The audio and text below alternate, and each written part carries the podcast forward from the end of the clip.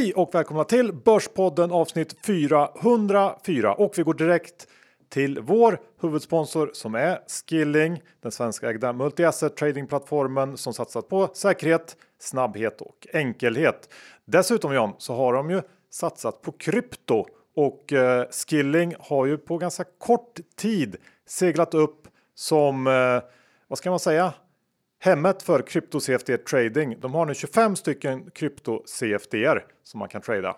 Ja, är det hett eller är det hett? Dessutom händer ju så extremt mycket av kryptohändelserna på helgen och då gäller det att vara med och du har Skilling öppet och möjligheter att trada eh, krypto.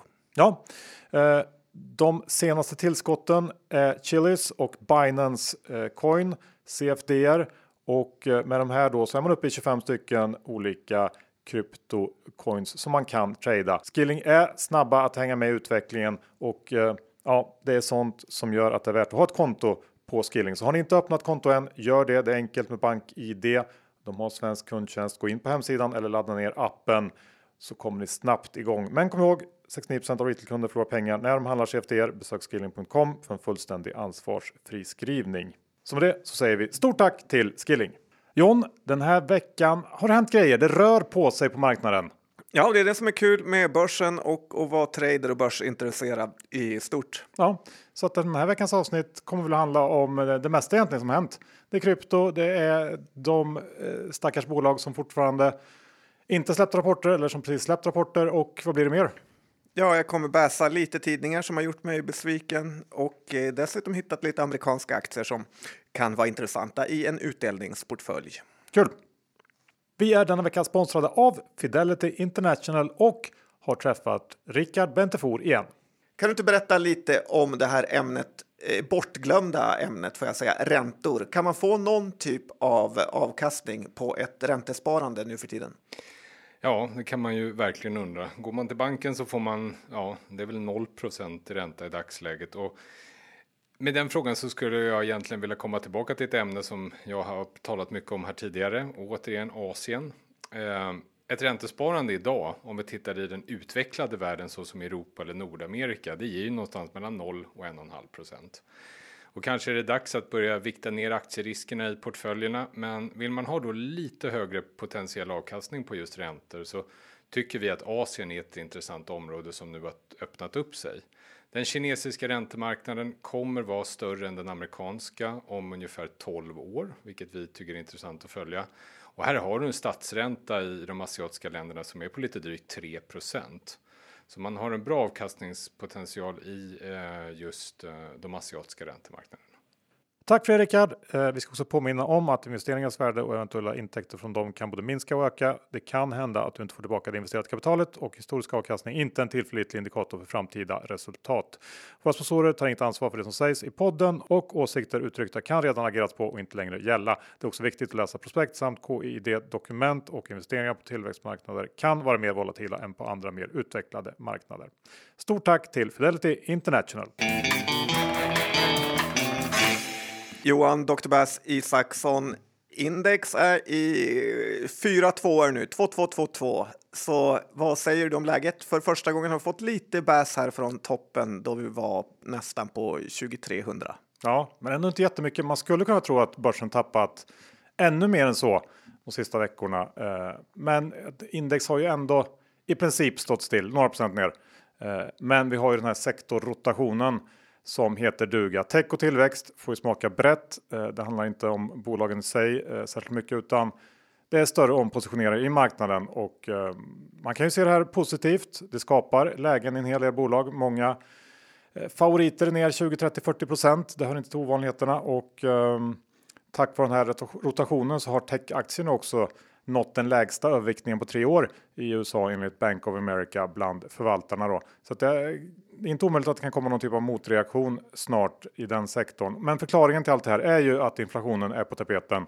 Ganska snabbt så har det blivit konsensus att vi kommer att få en rejäl inflation och Temporärt så är det nog ingen som ifrågasätter det, men den stora frågan är ju då om inflationen är just temporär eller om den tar fart på riktigt den här gången.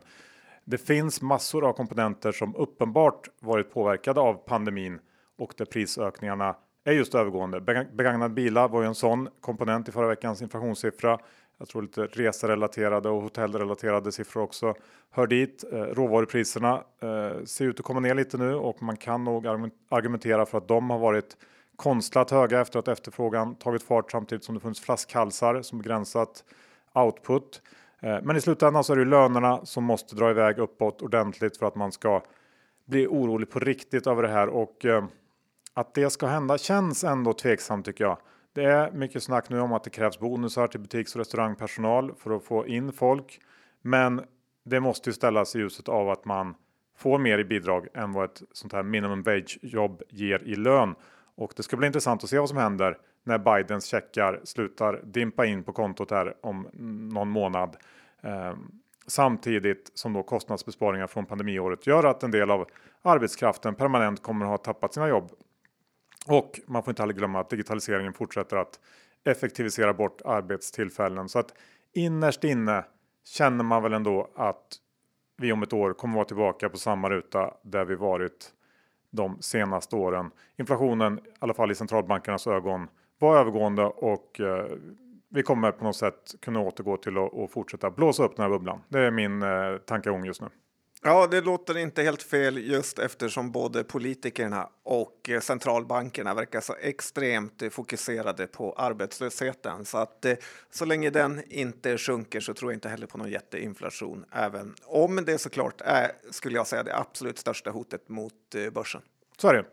Och det är därför så många eh, fokuserar så mycket på det. Och Sen ska man lägga till att eh, Finanstwitter är ju också väldigt fokuserat på tillväxt just nu, vilket gör att man dagligen ser folk eh, som har fått lida i de här eh, minikrascherna som enskilda bolag har. Så att, som du säger, det är inte så farligt på indexnivå. Däremot har många aktier gått ner mycket. Nej, och i grund och botten så är det bara sunt eh, att du får en avkylning. Du, jag vill höra lite om eh, dina tankar kring diverse affärstidningar. Ja, men det är bra Johan. Vi har ju Affärsvärlden här, har ju levererat sitt årliga sämsta nummer som kommit ut. Det heter IPO-guiden och ser mest ut som ett reklamblad från Byggmax. Jag kommer ihåg att vi pratade om det förra året med. Det är gubbklubben som står på massa bilder och håller upp diplom från mer eller mindre lyckade IPOer. Ungefär som att de har åkt ut i kvartsfinal i Aroscupens B-slutspel. Eh, för mig är det obegripligt hur man kan offra ett nummer i en annars eh, väldigt bra tidning.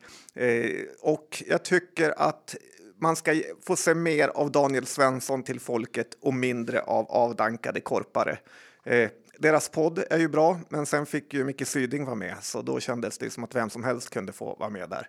Eh, nära, eh, det är ju faktiskt så att eh, Syding levererade hårt där och förintade Elon Musk, så att eh, han var lite pucketta för en gångs skull. Kul! Eh, något mer på det här temat? Ja, men det är ju det faktiskt. Eh, jag tycker att de har fått någon helt otrolig hang-up på Stena-koncernen. Eh, jag vet inte vad det är, men minst en gång i månaden måste Dan Sten Olsson, överhuvud för koncernen, eh, få uttala sig om allt möjligt. Eh, eller så tvingas man läsa om deras kvartalsrapporter trots att de inte är noterade.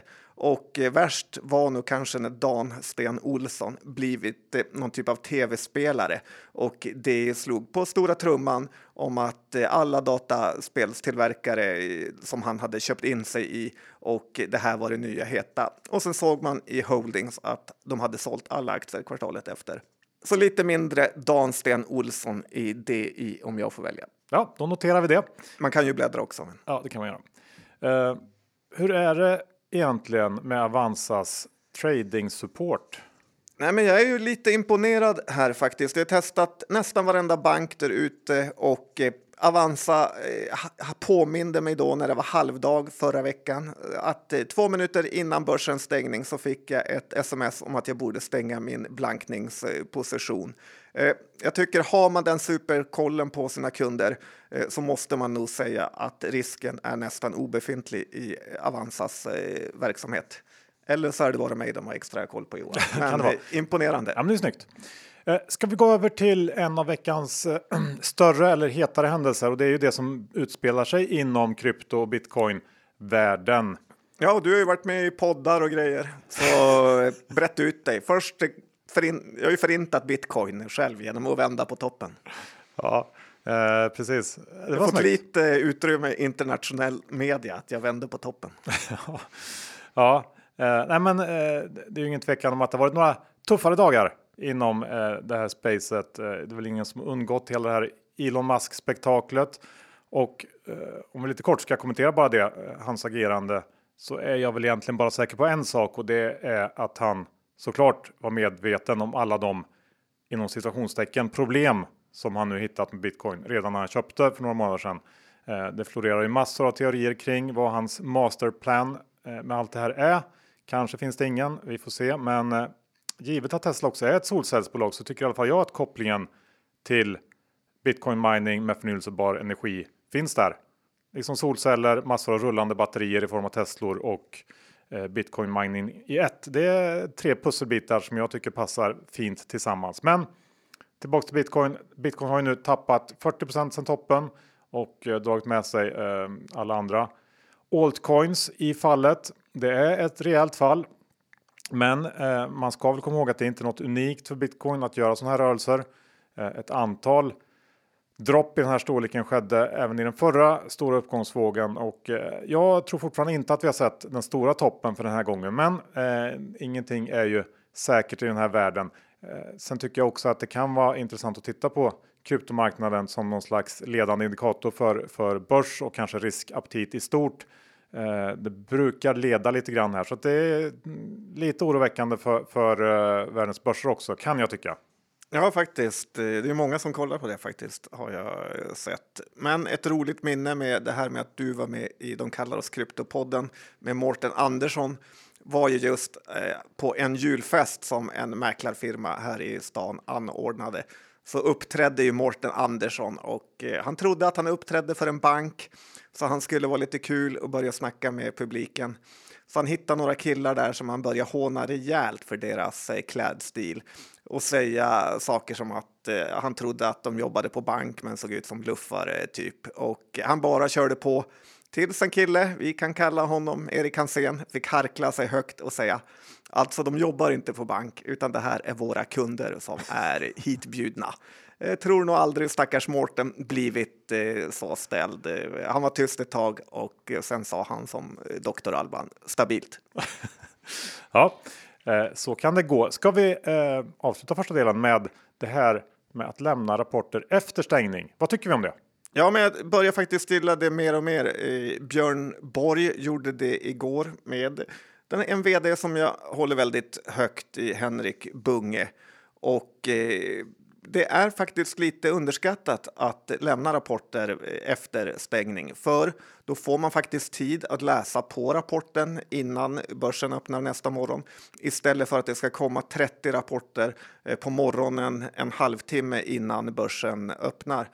I USA är det ju väldigt vanligt med att man släpper rapport efter börsens eh, stängning. Visserligen stänger den ju eh, klockan 16 där amerikansk tid, vilket den lika gärna skulle kunna göra i Sverige, för det finns i grund och botten ingen mening med att den ska vara öppen så länge. Ja, vad hände med det där? Det var ju något förslag på gång för inte så länge sedan om att det skulle förkortas, men eh, det försvann. Ja, för Nasdaq eh, skyller ju på att man vill vara parallellt öppen med USA så länge som möjligt. Men jag tycker att, säg om man hade stängt eh, 16.30 så hade man ändå fått en timme att köra tillsammans. För sista timmen spelar ju i grund och botten ingen roll här.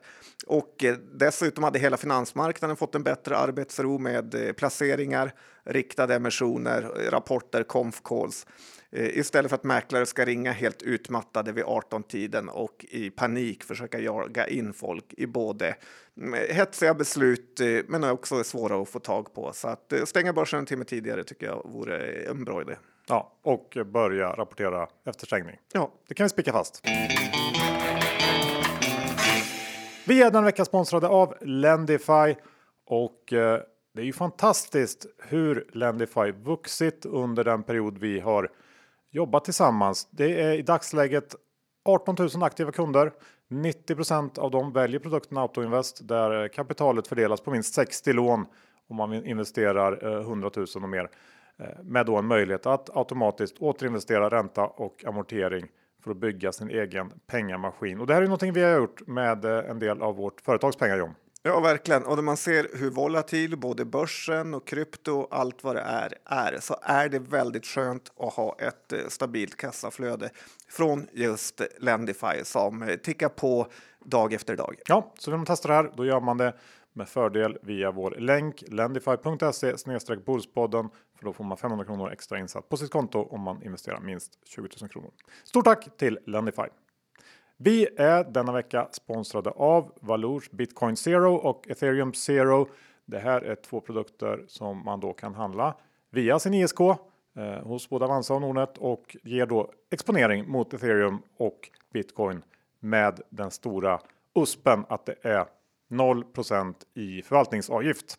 Ja, det är ju väldigt bra och tänkte man äga bitcoin över tid så gör det. Eh, och tänkte man äga bitcoin över tid så ger det faktiskt en hel del.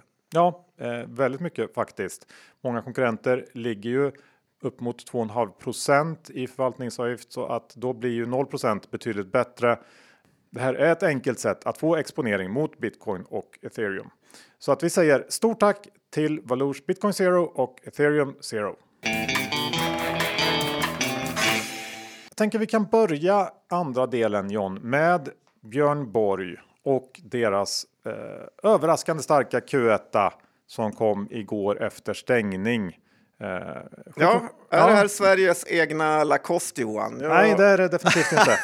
nu, jag tycker bara, nog att det är det. Lite snabbt drar 7,4% i tillväxt eller 14,6 om man valutajusterar.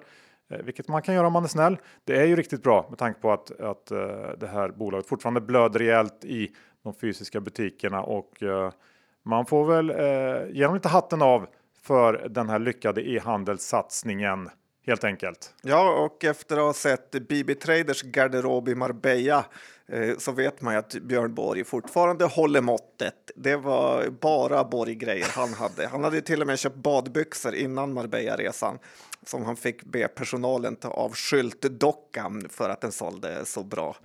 Så att, eh, det var kul. Nej, men de växte ju på allt man ville se eh, trots den här retail-döden som du sa och det man kallar för e-tail, alltså vad jag fattar då är till exempel Boost eller Zalando. Eh, gick också väldigt bra, men även den egna e-handeln. Eh, Henrik Bunge, som är vd som vi nämnde tidigare, säger ju vd-ordet att Borg nu bara marknadsför sig på nätet och eh, eh, kommunicerar där och att det har varit ett lyfte. Och dessutom får man ju lägre eh, kostnader för butiker eftersom man eh, verkar dra ner på dem och det är mindre personal och så vidare. Även om det är dåligt på ett sätt att man inte kan rea ut sina äldre varor på samma sätt. Eh, så man eh, sänkte sina kostnader, ordentligt och resultatet gick då från 7 till 22 som sagt. Och eh, det hade väl spekulerats lite innan där att dollarn skulle hjälpa Borg väldigt mycket samtidigt som euron då hade gått emot dem. Så att det blev lite even Steven här. Så att inte ens det kan man ta ifrån dem som du sa. Men i min bok är det här alldeles för billigt. Lite sjukt kan jag tycka att styrelseordföranden ska få 420 papp för sitt jobb vilket är väldigt mycket för ett bolag som har ett marknadsvärde på 500-600 miljoner. Eh, men eh, för närvarande kan man säga att det är förlåtet eftersom det går bra, men eh, lite för mycket. Jag har köpt mer aktier faktiskt idag. Ja, det är jag tveksam till om det är rätt. Um, möjligtvis, men jag är fortfarande inte övertygad om att det här varumärket har den här riktiga kraften i sig för att tillväxten ska ta fart på riktigt. Vi får väl se hur det blir när pandemin är över och butikerna öppnar. Eh, det finns ju antagligen en viss liksom, kannibaliseringseffekt här mellan e-handel och butiker. Eh, sen så håller jag med om att den ska upp en hel del på det här idag. Eh, och en, en sista liten Du vill invändning. liksom inte förlåta Borg. Ja, det är alltid en, något, du har gjort fel Johan, så en, säg förlåt istället. En invändning jag har som jag liksom inte går att komma ifrån. Det vi verkar då tycka diametralt motsatt. Det är ju det här eh, vdn Henrik Bunge som du verkar älska. För att han var typ ofattbart snabb till Nordpolen Johan. Jo, men du har ju någon slags fäbless för för vd som gör konstiga såna här maratongrejer och sånt. Men han skriver under vd-ordet med head coach.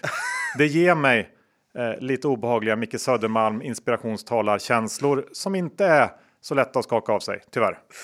Okej, okay, bra poäng. Ja. Head coach är inte acceptabelt. Nej, men inte det, för mig. Det är, så jag ryser bara här. Usch! Skulle aldrig kunna jobba där. Uh, vi går vidare. Du och Micke Södermalm gick aldrig bra ihop. Nej. Uh, ska vi ta Adapteo? Ja, här har vi ju en del blankare som har bränt sig faktiskt. Och eh, proffsen brukar ju säga att eh, värdering inte är någon anledning till att blanka eller sälja en aktie. Eh, och det visade sig verkligen vara rätt här i Adapteo som då gör modulbyggnader. Många tyckte att aktien är för dyr, bland annat Bråsa hade ju säljrek här så sent som i mars och nu kom då ett bud eh, med en 50 i budpremie. Lite från ingenstans får man säga. Eh, jag tycker faktiskt att eh, här i Stockholm kan man på många ställen se den här typen av modulbyggnader och jag tror inte alls det behöver vara så galet köp för att man ser ju hur snabbt det går att ställa upp tillfälliga boenden och det kan vara till skolor eller dagis som brunnit ned eller tillfälliga kontor och sjukhus. Eh, men igår så handlades kursen ändå över sin budnivå och jag tror och antar att eh, det är blankare som täcker sina positioner här för ett höjt bud känns helt orimligt och äger man aktier här har man haft turen att behålla dem så är det bara att sälja in i det för att det ska bli en budstrid om Adapteo känns ju helt eh, orimligt. Det håller jag med om. Case closed där och vi går snabbt över till Kopparbergs som eh, också kom med sin Q1 igår. Jag kan väl ändå tycka att det var lite darr på ribban för aktien har gått väldigt starkt inför. Men tittar man snabbt på siffrorna så, så eh, tappar Kopparbergs ungefär 12% av omsättningen jämfört med förra året. Eh, och då ska man komma ihåg att eh, Q1 förra året var stark Eh, och att Kopparbergs fortfarande är drabbat av restriktioner just nu så att det är väl okej okay ändå. Eh, framförallt då på bolagsviktiga turistmarknader. Eh, sen påverkar väl valutan också negativt på topline siffrorna och resultatmässigt så kom de in på ungefär 60 miljoner för avskrivningar jämfört med 67 förra året. Det är möjligt att den delen är lite boostad av valutan. Jag är lite osäker här hur Kopparbergs redovisar den här typen av omräkningsdiffar. Eh, som vanligt är det väldigt knapphändigt med info i rapporten eh, och eh, jag kunde inte uttyda särskilt mycket från Bronsmans vd-ord mer än att man har det fortsatt tufft med alla restriktioner. Och det tråkiga med Kopparbergs nu är väl att man möter väldigt, väldigt tuffa jämförelsetal från förra årets Q2 som av någon helt outgrundlig anledning var jätte, jättestark. Och framåt andra halvåret så kommer det bli mer business as usual och eh, man får också betydligt enklare eh, jämförelsesiffror. Eh, det är väl det man får längta till som aktieägare kanske. Jag eh, avvaktar lite nu. Jag eh, har haft den här lite på radarn men den har inte riktigt kommit ner till de nivåerna jag velat och nu eh, är den väl över 200 lappen och eh, ja, jag avvaktar. Eh, kan tänka mig att det kan bli en Q2 besvikelse ändå. Ja, vi var ju på John Scotts i Marbella, höll faktiskt på att ta en springnota då alla tre av oss glömde bort att vi inte hade betalat. Eh, så att eh, där fick de ändå in 20 euro till som de höll på att bli utan. Det var ju helt tomt ska man också säga. Eh, men jag tycker som du att aktien går inte att köpa på den här nivån. Nej, bra, då har vi avklarat det. Eh, ska vi ta Karnov, det här eh, juridik online-bolaget? Ja, folk säger att de gillar underanalyserade bolag. Ändå är det ingen som gör det på någon vänster. Jag tycker att det här bolaget är helt eh, bortglömt av börsen och alla analytiker. Eh, jag tycker ändå att det kan vara ett läge att börja bygga en position här kring 50 kronor.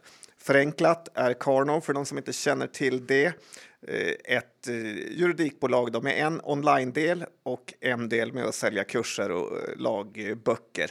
Bolaget tjänar hyggligt med pengar och tittar man på USA där juridik och lag är en enorm business och ju mer komplicerat samhället blir desto mer behövs det avtal och uppgörelser och dessutom så går det ju mer och mer mot digitalisering vilket kommer gynna Karnov. Eh, det är ju också så att eh, det är betydligt enklare att söka i en lagbok online än att eh, stå och slå upp saker i något som är tre gånger så tjockt som Bibeln. Carnegie, som är väl ett av få bolag som följer det här, sänkte riktkursen efter Q1 från 62 till 59. Så även där har man ju lite uppsida, även om de av någon anledning var lite besvikna. Bolaget ger dessutom en krona i utdelning här, eh, som i och för sig har gått redan. Men jag tycker man ska bygga en liten position i det oupptäckta bolaget Karnov. Det tycker du? Jag har inte gjort det själv än, men jag har det på radarn, ungefär som du, Kopparbergs. Ja, bra. Eh, sen har vi Thunderful Group, eh, kom med stark rapport här i veckan, eh, slog konsensus med eh, drygt 50 på resultatet trots ganska tuffa jämförelsetal. Eh, största av överraskningen här var väl den här leksaksdelen som snabbt lyckats svinga tillbaks efter Q4 dikeskörning och eh, prestera en fin lönsamhet under kvartalet. Eh, estimaten upp här efter rapporten, eh, lite relief för Thunderful som fick en riktigt usel start på sin börskarriär. Eh, men med ett lite bättre techklimat på börsen så skulle nog den här aktien kunna fortsätta en bit till tror jag faktiskt eh, ändå. Ja, men lite pinsamt och orutinerat får man väl ändå säga av investmentbankirerna som tar bolaget till börsen med en sån dålig första rapport incoming. Det gör ju att förtroendet försvinner, folk blir besvikna och man har uppförsbacke i princip flera år efter.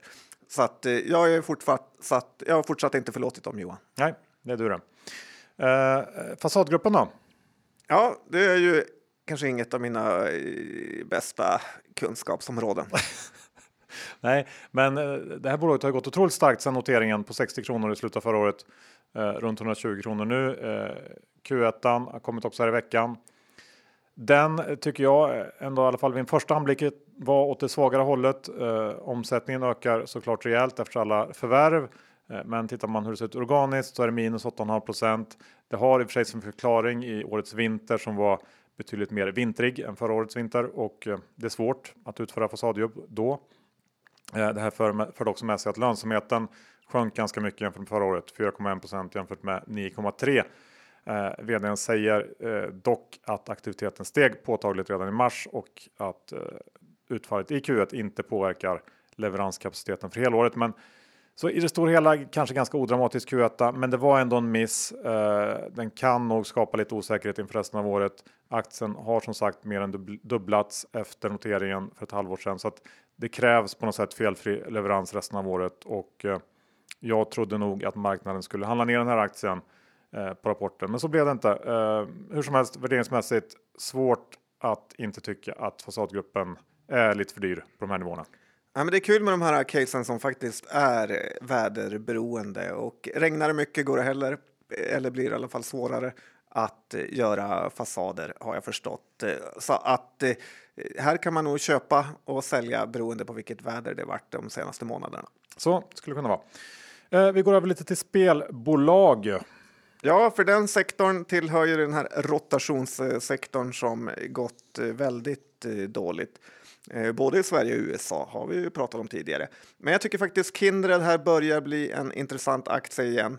Eh, när de kom med sin rapport här för ett tag sedan så pratade ju mäklarhusen om aktiekurser kring 200 och det fanns ingen hejd på eh, håsen. Aktien gick då till 160 ungefär, men nu börjar man komma ner här på, kring 135. Så att jag tycker man kommer in ganska billigt om man börjar köpa aktier nu. Eh, det är närheten av P10 faktiskt på 2021, men det marknaden oroar sig för är ju både 2022 och faktiskt 2023 som på de här prognoserna då kommer bli sämre än eh, årets eh, resultat. Och det hotar ju börsen, men jag tror faktiskt att det är lite överdrivet. Man är väldigt, väldigt rädd för regleringar i Tyskland, Holland och allt möjligt, men jag tror man ändå får draghjälp av USA och eh, att man inte ska vara för rädd för att eh, köpa Kindred här. Nej, det är möjligt. Jag har ju eh, istället valt eh, lilla syster Kambi eh, när det gäller att köpa spelbolags dipp. Eh, den har ju brakat ner rejält efter sin Q1 och ja, det börjar ju faktiskt se Eh, nästan billigt ut nu, vilket eh, den här aktien inte gjort på ganska länge. Så att eh, dessutom var ju vd ute och pratade väldigt positivt i förra veckan om både möjlig USA-notering och potentialen runt om i världen. Så att jag, jag har faktiskt adderat en hel del här efter rapporten i Kambi. Men det är väl lite samma läge egentligen som många andra bolag i den här sektorn. Att de har åkt på brett i den här rotationen. Får vi se om det var rätt att öka nu eller om det var för tidigt. Ja, men det är det som är kul med börsen när det blir de här stora rotationerna att det faktiskt går att fynda får man hoppas i alla fall. Ja, och i morse kom ju eh, Catena Media med sin Q1. Eh, de hade i och för sig redan släppt siffror eh, i en omvänd vinstvarning och de här Q1 var ju i linje med de siffrorna. Men ehm, det som fokus låg på var ju den här trading updaten för april. Det andra kvartalet har startat med intäkter som är 15% högre än förra året och det är helt okej, okay, men Eh, jag tycker inte att det borde räcka eh, riktigt eh, som det ser ut nu. Det är USA som drar Catena Media nu men tittar man på bolaget X USA så ser det inte lika kul ut. Man får också ha med sig att ehm, man bara kör med sån här CPA i USA. Det ger fina engångsintäkter, men på lite längre sikt så kan det bli jobbigt, speciellt när konkurrensen ökar. Så att jag, jag ehm, den här aktien har gått väldigt bra och jag tror att det är lite svajigt där känner jag. Ja, jag tycker det är helt fel att tycka att det är negativt att man får engångsintäkter eftersom just spelarna är så extremt eh, flyktiga och eh, sen USA är ju så ofattbart stort så att eh, bara efter något år här, eller inte ens det, och tro att eh, spelarna är på väg att ta slut när det är en hel game changer tycker jag är lite löjligt.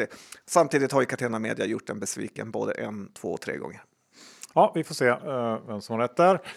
Eh, när vi ändå pratar USA eh, så händer det grejer inom pipeline-näringen. Varför säger du USA Johan? Det är ganska störande. Det heter Snart... USA. Ja, i alla fall. Vad ska jag säga då?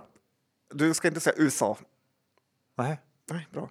Eh, men... Helvete. ja. En ganska stor nyhet här eh, som det knappast har rapporterats om i Sverige för att eh, det pratas bara om gasaremsan här så är det faktiskt att det är bensinkaos i USA. Då en pipeline som heter vad Johan? Colonial. Ja, precis. Eh, bra. Eh, den har blivit hackad på den vänster och eh, jag vet inte hur man hackar en pipeline, men det har hänt och då har man fått stänga den, även om man har fått igång i vissa delar. Den här pipelinen skickar då olja, gas och bensin mellan Texas och New Jersey. Men det här har gjort då att Eh, andra pipeline-aktier i USA har gått väldigt bra. Eh, för jag antar att man måste skicka oljan och bensinen andra vägar. Och det här är ju inga små bolag. Kinder Morgan, som är en sån här amerikansk utdelningsfavorit eh, som många bloggar har skrivit om, har ett börsvärde på 42 miljarder dollar och utdelning på över 5,5 procent. Philips 66 som Buffett har varit inne mycket i ett annat kul pipelinebolag som har ett börsvärde på 38 miljarder dollar och en utdelning på över 4 eh, procent här. Så har man en utdelningsportfölj och är intresserad av sådana här aktier så tycker jag man ska titta på dem. Och man älskar ju faktiskt att i USA är ju i princip hela samhället börsnoterat. Men det känns väl ändå eh, lite dumt att köpa de här konkurrenterna nu om de gått upp väldigt mycket. Ja, men de kommer, den här pipelinen kommer inte vara hackad i all evighet.